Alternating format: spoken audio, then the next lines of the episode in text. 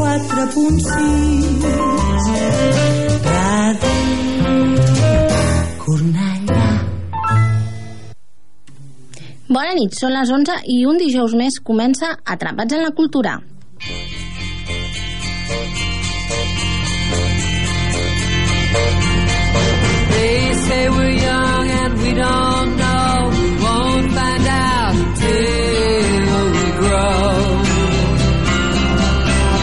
Per en Bill Murray, tots els dies era la mateixa cançoneta. Estava atrapat en el temps. Per nosaltres, tots els dies també són iguals. En Bill el salvava l'Andy McDowell. I a nosaltres, qui ens salvarà? La cultura, els llibres, el cinema, les sèries, l'art, l'oci, la gastronomia. Feu-nos cas i sentiu-vos atrapats amb la cultura. Amb la Cristina Guarro i el seu equip. Guess that's so we don't have a plot, but at least I'm sure of all the things we got. They Molt bona nit de nou, atrapats en la cultura. Com ha anat la setmana? Aquesta setmana per nosaltres ha quedat molt cinematogràfica perquè tenim un programa en què parlarem molt de cinema. De fet, l'entrevistat de la nostra setmana és un home, una mica, per definir-ho d'alguna manera, un home orquestra, perquè en teatre i en cinema ha fet una mica de tot, des de dirigir, produir i guionitzar.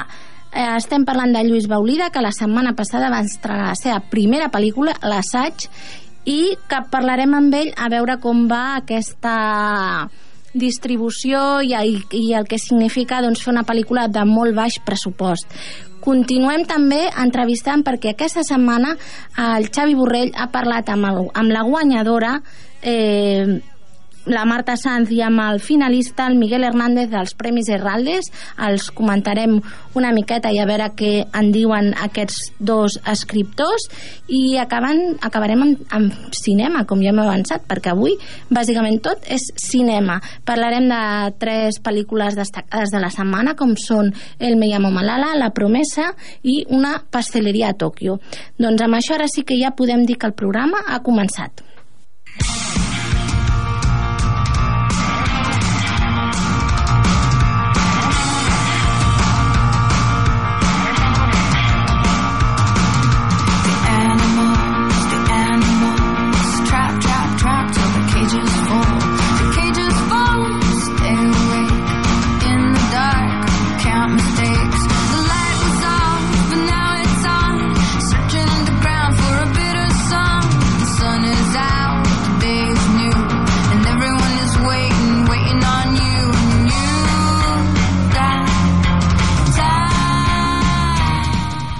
Divendres passat es presentava a l'assaig una pel·lícula catalana de baix pressupost que es tracta de la primera eh, pel·lícula que dirigeix en Lluís Baulida que, i que ens acompanya avui. Lluís, bona tarda.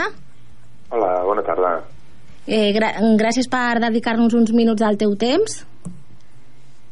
Només faltaria, gràcies a vosaltres. Eh, deia a l'inici del programa que tu has fet una mica de tot, en cinema i en teatre. Que has tocat sí. diversos pals. Uh, sí, bueno, és, uh, les trajectòries vitals de cadascú, doncs, uh, són, són... Cadascú se la sap. Jo, jo vaig començar professionalment en el món del cinema, uh, treballant en principi a la producció, tot i que també vaig escriure i dirigir un parell de curtmetratges, i, i des, uh, després, quan tenia al voltant dels 30, 28, 29 anys, em va- em vaig, eh, vaig tornar a viure a Girona i al tornar a viure, que sóc d'aquí jo i de Girona.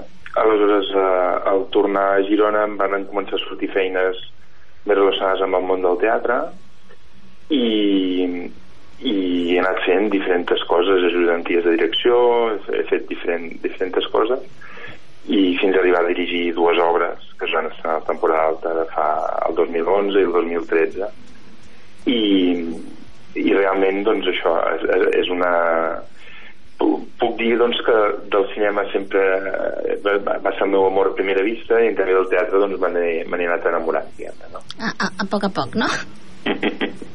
Eh, deies que tu ja has dirigit dues obres de teatre.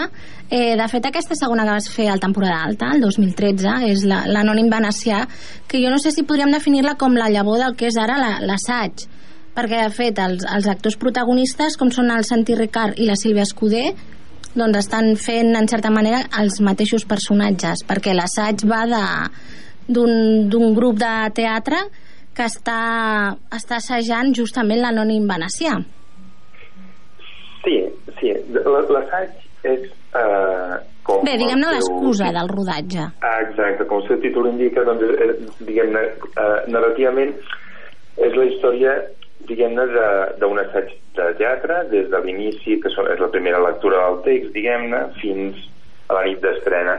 Però, en realitat, eh, en l'argument de la pel·lícula, eh, aquest fet, o dit, l'obra de teatre que estan assajant, ens importa relativament poc, eh, només l'utilitzem doncs, com a recolzament de eh, les històries que els hi passen en, el, en els personatges, en el- en l'actor, l'actriu i a la directora de l'obra eh, fora de l'espai d'assaig. És a dir, nosaltres ens interessa molt més el que són les vides d'aquests personatges fora de l'espai d'assaig.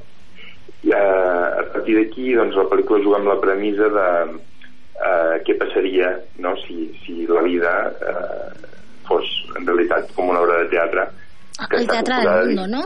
Ah, Exacte, eh, que, que, que està composada doncs, de diferents escenes que senzillament estan posades una al darrere de l'altra i com qualsevol escena doncs perquè no es poden assajar també. Doncs eh, d'alguna manera el, el, el que ens interessa no és tant l'obra de teatre que estan assajant sinó la vida d'aquests personatges fora de fora d'aquell espai d'assaig Clar, perquè aquests personatges, doncs hi ha un actor que no és que estigui a l'atur perquè té, està rodant ai, rodant, preparant aquest personatge l'anònim venecià, no? però té dificultats per trobar feina i té una relació de parella que no sembra que no és gaire bona. Després, clar, l'actriu, doncs, amb, amb un pare que, que té principi d'Alzheimer i la seva mare, que més és la directora d'aquesta obra de teatre. I després hi ha al voltant altres personatges, com per exemple aquest ajudant de direcció, escenògraf, figurinista, que com ell mateix es defineix, amb una pel·lícula de baix pressupost, fa de tot. I és qui, de fet, no? Qui diu que a la vida doncs, hauríem de tenir aquesta segona oportunitat i com al teatre, que allò que no sortís bé, que es repetís l'escena. Exacte, bueno, de fet el, el, tot, eh, tot, tot l'argument de la pel·lícula gira al voltant doncs, de, de la possibilitat que tenim de donar-nos una segona oportunitat a, a nosaltres mateixos no tant, a, no tant als altres sinó a nosaltres mateixos no? i en aquest sentit doncs, els, els diferents conflictes que, que tenen els personatges aquest, aquest actor amb dificultats per trobar feina que està, està, està casat amb una, amb una directora d'una oficina bancària eh, que és ella qui porta els diners a casa i per tant li exigeix que a casa mana ella, diguem-ne eh, una mica com, com, com a la cultura d'aquest país no? que està, està tot tan mercantilitzat que al final ja no saps ben bé quin paper hi tenen els creadors Exacte, perquè a- aquesta dona en un moment li diu al seu marit actor que, que se'n busqui una altra de feina. Sí, exacte. És, eh, crec que això és el que voldrien molts eh, polítics i molts banquers, no? que, que, que el sector cultural no existís. Um, eh, doncs, com, com et deia, fins i tot l'argument o la trama d'aquest personatge que, que perd la memòria en un moment determinat doncs, també està lògicament relacionat amb, amb aquesta búsqueda d'una segona oportunitat doncs, per, per, eh, per fer net, no? per, per, per plantejar les escenes una mica diferents de com, de com s'havien plantejat en un principi. I, eh, i, i, i bé, i aquest, i aquest ajudant de direcció que, mica de tot no deixa de ser Que, que interpreta el, el Jacob el, el, Torres. Jacob, el Jacob Torres que està esplèndid eh, bueno, és, és, és, és, un, és una autoparòdia diguem-ne que ens fem no? Ai, jo t'anava a preguntar hem, que- que aquí- hem, de ser, hem de ser capaços de riure'ns de nosaltres mateixos Sí, exacte. Jo t'anava a preguntar si a la producció aquesta de l'assaig, a, la, a la vostra producció, qui, qui és aquest, aquest home per, per tot? L'home orquestra. Home, soc Tots, jo, no? està claríssim. Tu. Sí, perquè tu tens un, papa, un petit paper reservat, també. Uh, bé, això, vaig fer un Hitchcock, sí, vaig Ah. fer un Hitchcock, però, però, però va ser un accident de rodatge, més, més que una cosa volguda, perquè, bé, allò que passa, teníem, va ser un, un, teníem un, vam haver de canviar un dia de rodatge perquè ens va ploure, i el, i el dia que vam que tocava rodar l'escena aquella, l'actor que havia de fer un petit paper doncs no, no podia venir i ja era, era massa tard doncs, per, S'ha per tot en marxa, no? Suposo. I, i bé, eh, és la primera escena de la pel·lícula i pensar això al cap i a la fi tampoc no té cap massa importància i, i bueno, ja, ja ho faig jo i, ja. i fins i tot eh, al davant de la pantalla però bueno I jo et volia preguntar si el, el, el nen que surt, eh, si és fill teu. Sí, sí, Sí. Un, eh, sí, sí. El, hi surten un, un nen i una nena Uh -huh. eh, i eh, la nena és la, la filla del Pablo, que és el, el, la tragista, diguem de la pel·lícula o l'escenògraf, perquè aquesta pel·lícula no, no, no, no ha tingut director artístic, ha, ha tingut escenògraf, perquè totes les escenes estan plantejades com en realitat com si fossin escenografies teatrals i eh, Bé, de fet, els, els planos que hi ha ja, ja s'ajusten bastant a aquesta idea. Exacte, o sigui, la, la idea és precisament jugar amb aquest llenguatge, eh, el llenguatge que ens, eh, ens ofereix el teatre i el llenguatge que ens ofereix el cinema.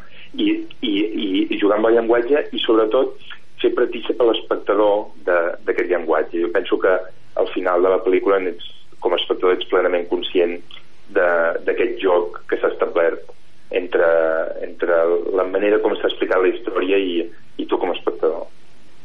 I, Lluís, tu has assumit les, les tasques de producció, de direcció i com a guionista també. Eh, de fet, la, per la distribució va- vau engegar una campanya de micromecenatge. Per què no s'ha fet per la producció? Que en principi és el procés més, més car, no?, econòmicament parlant. Uh, sí, el que, el que passa és que, a veure, la producció és... Com, com, com, t'ho diria? Uh, és un procés uh, ja quan si, si no ets capaç d'assegurar-ne la supervivència des de des del començament ja no, no te'l planteges aleshores al, al començament ja em, em, em, plantejo em plantejo de poder fer i acabar la pel·lícula i és en el moment d'acabar-la en el qual doncs eh, és més, es fa més necessari d'alguna manera un, un ajut, un ajut extern no? perquè ja estem molt eixuts la veritat és que ara hem arribat a l'estrena doncs molt i molt eixuts no? molt, eh, ho hem donat tot ho hem donat tot Perquè mm, qui, qui- quin pressupost teníeu per la producció? Uf. Perquè és una pel·lícula Eh. molt, molt baix cost, però de quan estem parlant aproximadament? Mira, més, més, més del que em puc permetre, més del que em puc permetre. No sé si, si això... Eh, no sé si això eh, et respon eh, satisfactòriament, però eh, és, ha estat una, una aventura que de, de moment de moment no surt a compte econòmicament, diguem-ne. És, és, la, la veritat és que la pel·lícula es roda doncs, per necessitat, per necessitat d'explicar una història que jo entenc que, que qui la vegi doncs, en, en sortirà, tindrà una experiència positiva d'haver-la vist, diguem-ne, no? I, i, és una, I és per això que és per això que es fa. Perquè de, de moment, quant, quantes còpies en teniu? O s'han uh... fet? Està, la pel·lícula s'està passant ara mateix a, a Barcelona, als cinemes Girona, i, a, el, i aquí a Girona als cinemes Albeni. I, i la idea és anar fent, anar fent projeccions per, per, per diferents llocs de Catalunya doncs que va de cineclubs o, o, o sales que la vulguin passar, però a poc a poc. I penso que tindrà una distribució de, de mica en mica. Bé, una mica fer el boca-orella, no? Exacte, exacte. De fet, eh, l'hem en el, en el mateix moment d'estrenar les sales també l'hem estrenat en DVD per, per, per qui la vulgui eh, tenir, diguem-ne, perquè pre- precisament perquè, per posar-la a l'abast de tothom, és a dir, eh, Sí, perquè a vegades si no vius a ciutat poder... Sí, la, la, la, la distribució és un... Jo reconec que se m'ha superat en el sentit de que eh, és un sector que funciona molt per volum és a dir, quan, quan tens diners per des, molts diners per destinar a publicitat, doncs et fan cas. Si no, si no, no et fan cas. És difícil. No, no, no ets ningú, exacte. Aleshores, eh, eh, clar, d'alguna manera el que volem és que la pel·lícula surti de la invisibilitat, no? O sigui, posar-la a l'abast de la gent perquè la pugui veure i, i disfrutar. En aquest sentit, eh, si, si nosaltres amb la pàgina web de la productora doncs hi ha la possibilitat de, primer de tenir més informació de la pel·lícula i després de, de, de comprar-la en DVD també si es vol. Doncs Lluís, eh, moltíssimes gràcies per acompanyar-nos i que aquest llarg recorregut que ara s'inicia doncs que, que vagi bé i que hi hagi molts espectadors que en puguin gaudir, que puguin veure i que els hi agradi tant l'assaig com a nosaltres. Molt bé, moltes gràcies. A reveure. A reveure.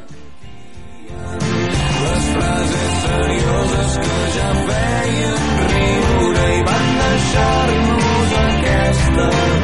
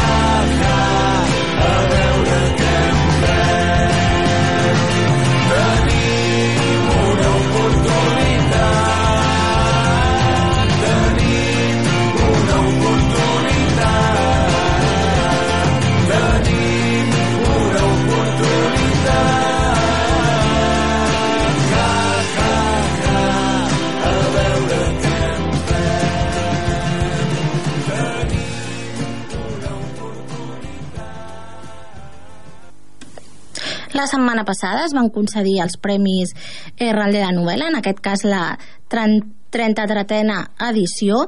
El jurat compost pel Salvador Clotas, la Paloma Díaz Mas, el Marco Giral Torrente, el Vicente Molina Foix i el mateix editor Jorge Ralde que, que posa el nom a aquests premis eh, va, doncs va determinar que la guanyadora seria l'obra de, la, de la Marta Sanz la que s'anomena Faràndula que és una novel·la que fa un retrat sarcàstic del, del món del teatre i van concedir el guardó de finalista el, Instante del Peligro de Miguel Ángel Hernández i que és una, segons va deliberar el, el jurat, és una vella novel·la sobre la memòria de les imatges i el record dels moments viscuts. Aquests és, un, és una mica aquesta nostàlgia, és una mica el que més destacava el jurat d'aquests premis. Doncs el nostre company Xavi Borrell hi va estar amb ells, els va poder entrevistar i aquestes van ser doncs, les, les opinions de tots dos, de guanyadora i finalista dels Premis Herralde d'enguany. Marta Sanz ha ganado el 33 Premio Real de Novela con una novela que se llama Farándula y tal como nos dice el título, inspirada en el mundo del teatro, pero más que nada en, en la crisis del teatro, ¿no? Felicidades, Marta. Muchísimas gracias. Bueno, pues tú lo has dicho muy bien, porque es verdad que habla una novela, es una novela que habla del teatro, pero habla más que del teatro, de la profesión de, de, actor, porque a mí la profesión de actor me parecía muy expresiva de lo que estaba pasando en nuestro país, de, de, de esa brecha de, la desigualdad que se hable cada vez más y más, ¿no? Porque por una parte tú ves que, que hay actores que encarnan el sumum del glamour y el brillo y la purpurina y el vivir bien y suscitan odios por resentimiento de clase y luego por otra parte te das cuenta de que es un sector profesional que en determinados momentos ha llegado a tener incluso el 90% de paro, ¿no? Por eso elegí este, este mundo, por eso elegí este gremio, porque, insisto, me parece muy representativo de las cosas que están pasando en este momento en nuestro país y en gran parte del mundo. Denuncia sobre todo la, falsedad de gente que va con grandísimos vestidos a, recoger premios como los Goya y luego están haciendo teatro gratuito. Vamos, algo patético, ¿no? Bueno, más que denunciar la falsedad de esa gente, a mí esa gente no me parece falsa. O sea, No, claro, claro, sí, sí. Claro, a, mí, a mí en realidad esa gente lo que me parecen son supervivientes, o sea, son gente que hacen eh, lo que tienen lo que tienen que hacer, pero como tú muy bien has comentado, pues es eso, o sea, eh, eh, eh, ese ser humano, o sea, porque no solamente que haya un gremio que esté viviendo de maravilla y otra parte del gremio esté viviendo fatal, sino que hay actores en particular que por la mañana están haciendo una cosa y luego por la noche tienen que hacer otra, entonces viven una contradicción vital terrible y encima se da se da la circunstancia de que esos seres que están padeciendo eh, la crisis en primera persona, reinventándose a sí mismos y a su profesión día a día y a los que les tenemos muchísimo que agradecer porque no solamente esta gente ha hecho muchas propuestas de teatro crítico, sino que además han creado como un modelo alternativo de gestión teatral. Bueno, pues esa gente cuando toma la palabra para expresarse políticamente se convierten en el objeto de las iras y los resentimientos de una especie de masa amorfa que ahora se llama gente de una manera muy demagógica y que eh, se expresan a través del anonimato de Internet y que en el supuesto ejercicio de su libertad lo que están haciendo es ser controlados por la gran, la, la gran máquina digital. Entonces, todas esas contradicciones que estamos viviendo, todo ese cambio de modelo que estamos viviendo es un poco lo que se cuenta en, en Farándula. Se cuenta cómo ese cambio de modelo, de lo, de lo analógico a lo digital, nos hace replantearnos el significado de palabras como reaccionario, eh, progresista, éxito, gente, popular, caridad, respeto y, y montones de cosas. Dices que has escrito la novela de forma borde, borde porque me imagino que estás indignada con cómo se está tratando a esta gente y al mundo de la cultura en general, ¿no? Yo he escrito es- esta novela, efectivamente, y yo quería que fuera borde, divertidamente borde, no regañonamente borde, sino divertidamente, divertidamente borde, porque es verdad que yo estoy muy, muy indignada en general de la marcha de eh, el mundo, no ya diría del país, sino del mundo. Y al mismo tiempo estoy muy indignada con lo que es el desprestigio de la cultura en, los últimos años y el castigo al que se le ha sometido a la cultura en los últimos años con el 21% de IVA, por ejemplo, espe- específicamente en el mundo del teatro. ¿no? Entonces, parece un poco, si nos llevamos esto al mundo de la literatura eh, y de los intelectuales, los artistas han dejado de ser el sacerdote del templo sagrado de los pebeteros de la cultura que había que, ala- que alabarles y ponerse a sus pies a, ser la, la- la última, la última caca social, el, bufón, el tipo, la tipa que me tiene que, divertir y que además si se pasa un poquito mm, de, de rosca en sus manifestaciones políticas, pues allá que vamos. No es como si, los actores, los intelectuales, los escritores fuéramos el único ciudadano que no nos pudiéramos comportar cívicamente y que no pudiéramos tener una opinión política y, y expresarla. Pues muchas gracias, Marta. Esperamos este farándula para ver cuándo sale y poder leerlo y a ver si vienes al programa. Muchísimas gracias, yo estaré encantada. De gusta mucho Radio 3.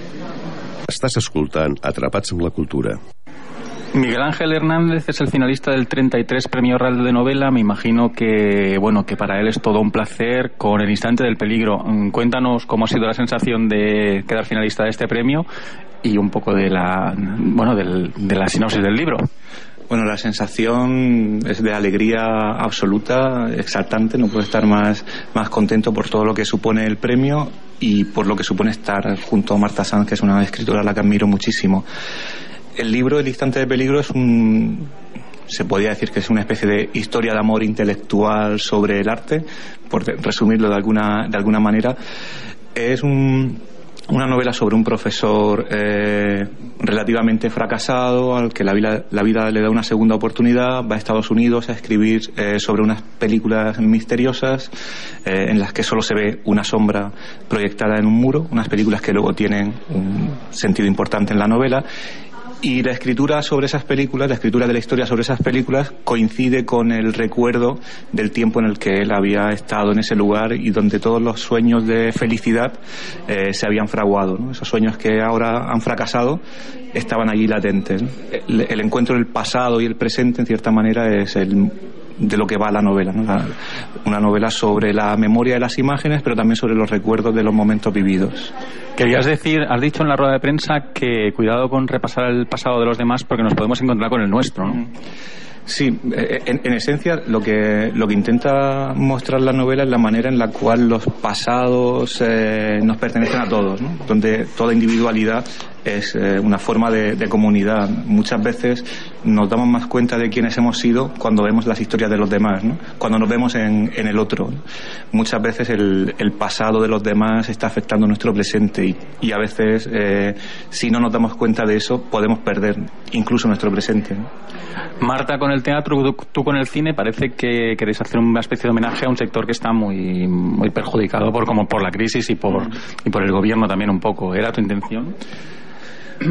No consciente. Eh, bueno, yo soy historiador del arte, soy profesor de historia del arte y, para mí el arte es casi el, el medio de relación con el mundo. Todo lo que me pasa, en- al final en mi cabeza tiene que ver con, lo relaciono con una obra de arte, con una película y entonces para mí es el mundo que conozco y el mundo que me sirve de casi de eh, herramienta para comunicarme con la vida y en ese sentido la novela no podía evitar eh, ser una novela sobre el arte y sobre, y sobre el cine, pero evidentemente que es un, campo en el que, bueno, es la periferia de la periferia de la periferia del sistema y en la actualidad es una crisis eh, absolutamente brutal económica, pero económica quizá incluso sea, sea lo de menos, una crisis humanitaria de, de- de desconsideración, es un, un momento que, como la novela también intenta mostrar, es un instante de peligro, ¿no?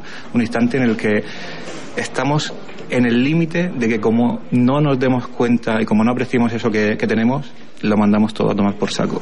Pues muchas gracias Miguel Ángel y felicidades por el premio. Nada, muchísimas gracias.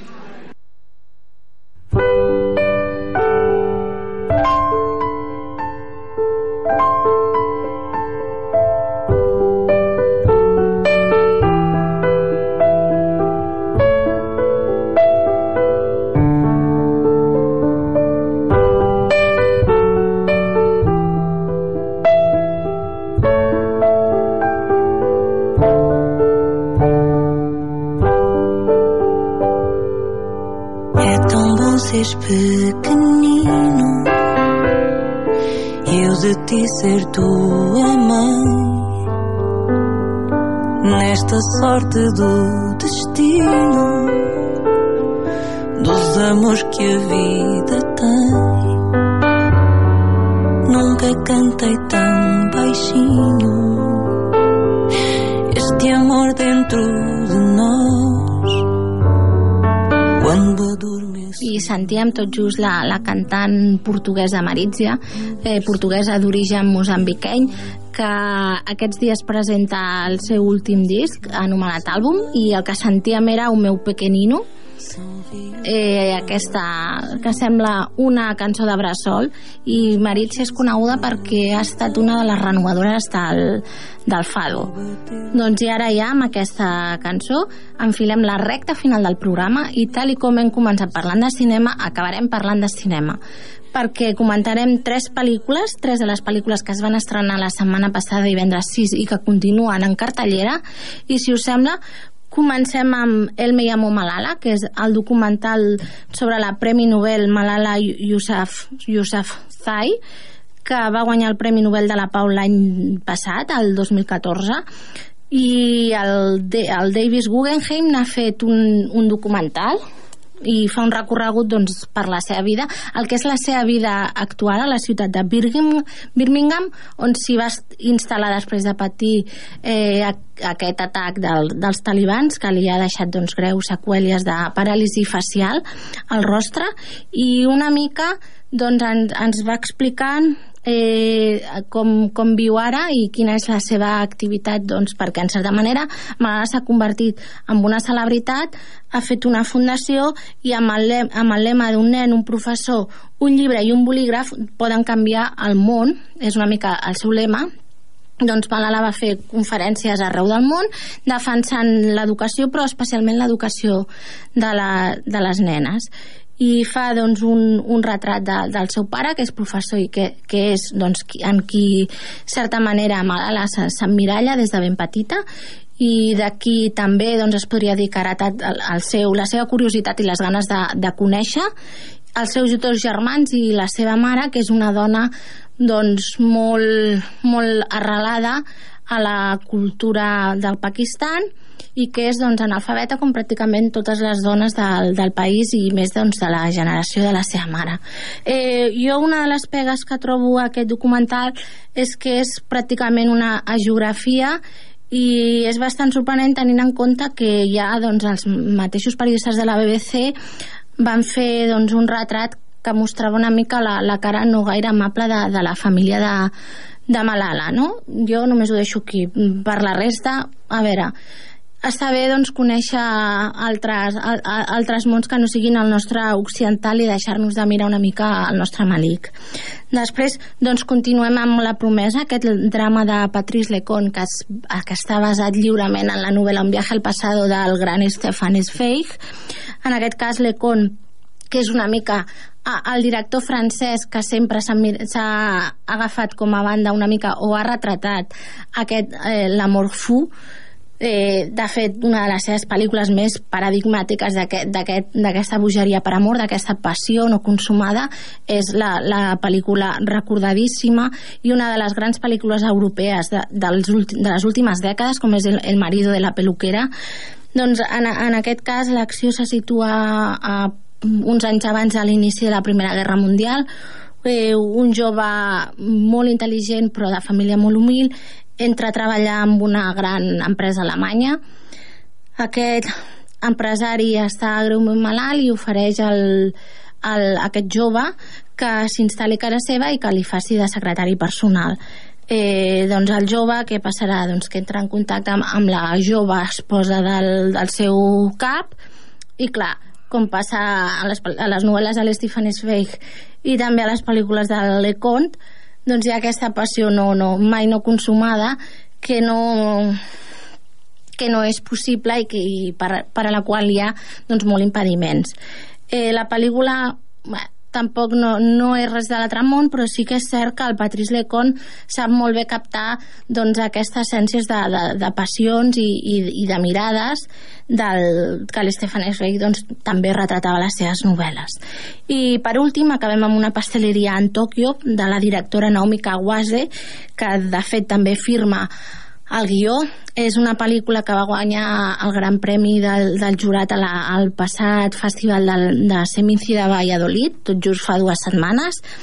És, eh, retrata la vida d'en Sentaro, que dirigeix una petita pastisseria que serveix doncs, aquests famosos dorayakis, que són uns pastissets que estan farcits d'una salsa com de, de mongeta vermella i són dolços doncs què passa? Que el Centaró necessita, necessita ajuda, posa un anunci i se li apareix una dona molt, molt, molt anciana, Tokué, que, que s'ofereix doncs, a, a treballar amb ell perquè és una mica el somni de la seva vida.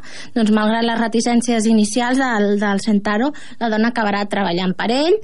Uh, aquesta parella o aquesta, en certa manera, família disfuncional perquè s'acaben doncs, tenint una relació de molt d'afecte, malgrat que no hi hagi eh, llaços sanguinis, doncs la, la coplantarà una jove adolescent eh, solitària amb qui tots dos personatges doncs, acaben formant aquesta espècie de, de família doncs, molt disfuncional. Eh? És una, una comèdia bé, més que comèdia, un drama-comèdia d'aquests que tant s'estilen ara i és la pel·lícula més comercial de Naomi Kawase, però tot i així doncs, no deixa de tenir les seves virtuts de, i el seu doncs, toc personal en el seu cinema carregat de simbologia i de, sobretot aquests paisatges de, del Japó caracteritzats doncs, pels els cirerers en flor i la resta de, d'imatges icòniques que, que tots ens venen al cap.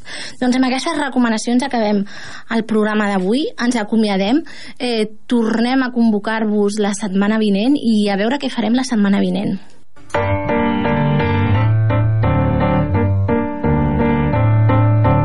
Via, via, vieni via di qui.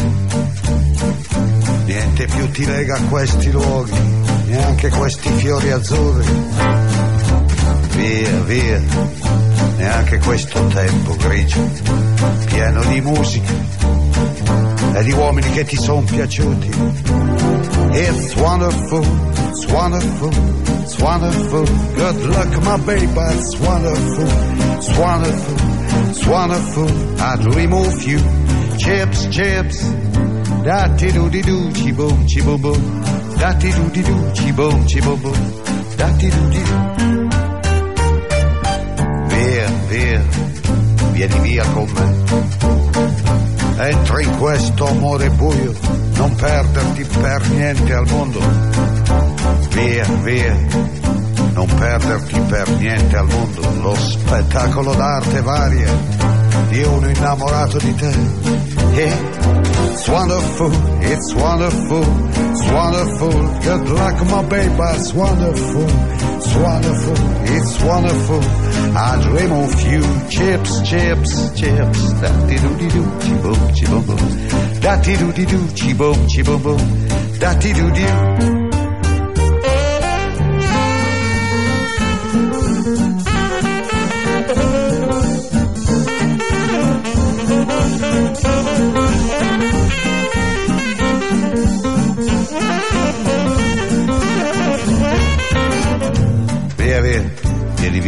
Via con me. Entra in questo amore buio, pieno di uomini.